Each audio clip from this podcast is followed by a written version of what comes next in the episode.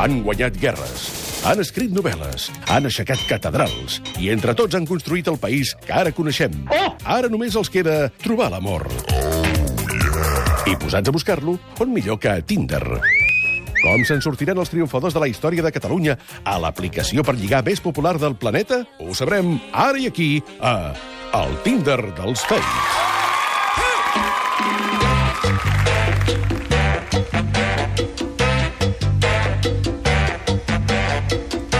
Els temps canvien, les modes es renoven, però això de lligar sempre ens dona històries curiosíssimes. Més encara si els protagonistes són els nostres il·lustres avantpassats.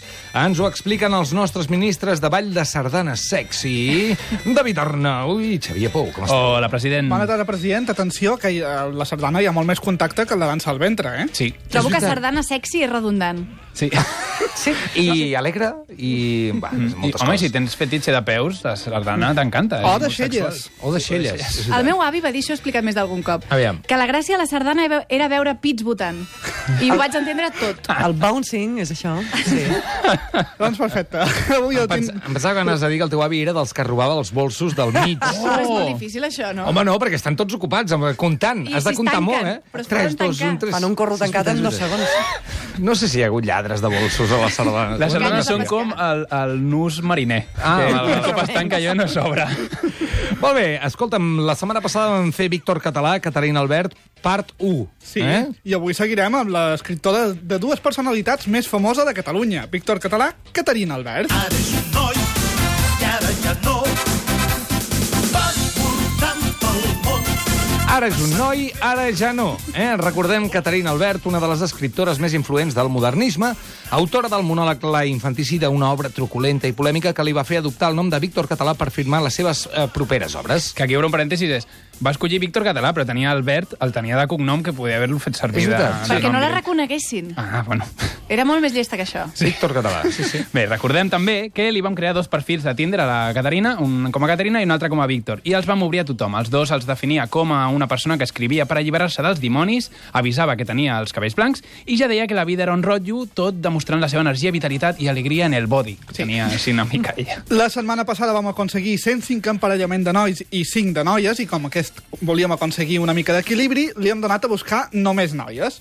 El resultat ha estat que hem trobat 14 noies i 16 nois més, que no sabem d'on han sortit, però han aparegut igual.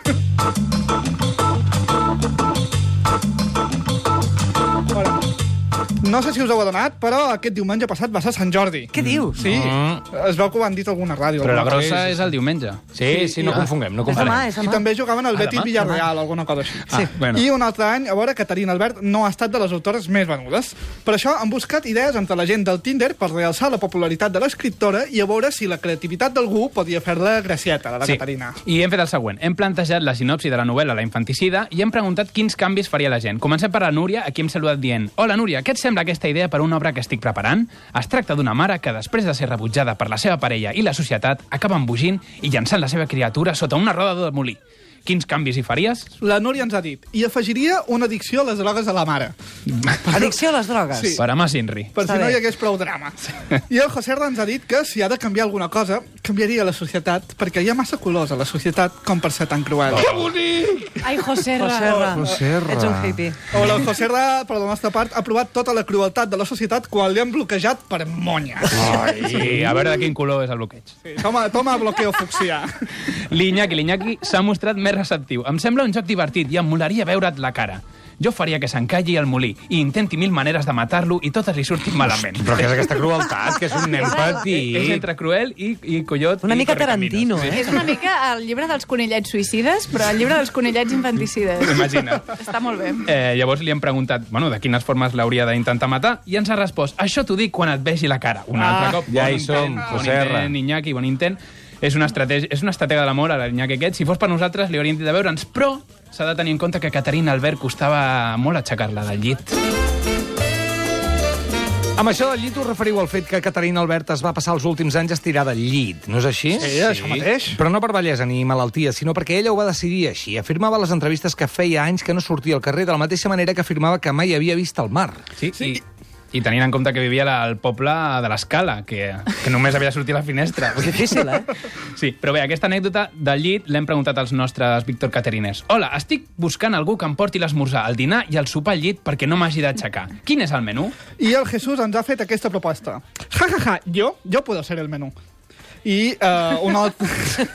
Sí? Què volia altre? dir? Mira, Sí, sí. amb el José R, allà, al fons, tots dos. I un altre noi, el Josep, ens ha dit Cena, depende de què te provoque. I li hem aclarit. ¿Quiere que me provoque? Hambre, Josep. I el Josep ho no ho acabava de veure perquè el seu missatge ha estat ¿pero dulce o salado? I li han fet saber Menú completo, Josep, a. Sí, menú completo. I veiem que el Josep no se'n sortia, però al final ha donat una resposta. Apunteu. Desayuno, dos puntos, unas panquecas y fruta. Almuerzo, un salmón en cama de papas y verduras con sofrito de cebolla y tomate. Cena, un pollo con cebolla dulce y el postre lo eliges tú. El... Jo trobo que després de tant de menjar no faria sexe. Sí, i, i Per la panxa plena és complicat, I, eh? I segon punt, molta ceba, Nya. molta, i després, tercer, amb quants camions pot, pensa portar aquest tiberi al llit, que és moltíssim, i, i ja cinquè, amb aquests plats ens quedarà al llit fet una porqueria. O sigui que bloquejat.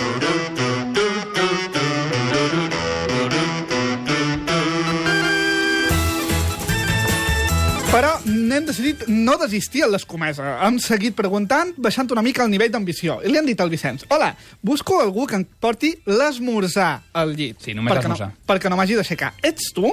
El Vicenç ha volgut negociar aquí. Si t'aixeques per preparar l'esmorzar, jo te'l porto després al llit. Quina merda de tracte és aquest? Perdó, eh? No ho sé, però la- posar la paraula llit com fos, no? És, és, Exacte. Com sigui. Llavors nosaltres hem intentat contranegociar i li hem dit mira, jo, el- jo el preparo, si tu em portes al llit a la cuina abans, perquè, clar, no es volia aixecar del llit, porta'm al llit, a la cuina. I el Vicenç ho ha tornat a intentar.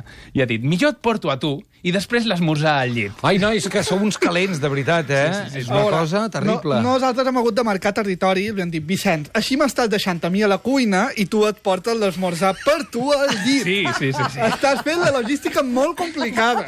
Això és de los hermanos Marx, ja, no s'entén. sí el- és molt llest, el Vicenç, aquest, és molt llest. Així, ella fins al moment ens ha proposat, ja, ja, ja, i si esmorzem a la taula? Bueno. I ha afegit, a més, després del sexe. Eh, bravo, ha sortit la paraula. cartes, Ara, ja, home. Però a veure, Vicenç, eh, si no ens posaran d'acord per esmorzar, ens posarem d'acord per tenir sexe? És a dir, quina, quina postura provarem aquí? No. no. no. Tens raó, uf. Bloquejat. Bloquejat. Bloquejat, ens queda algun testimoni o no? Teníem un Sí. que era un, un tio que ja ens havia sortit amb Armesens de la Carcassona. Hombre! Us en recordeu? Un home Sí. que ens va fer un poema.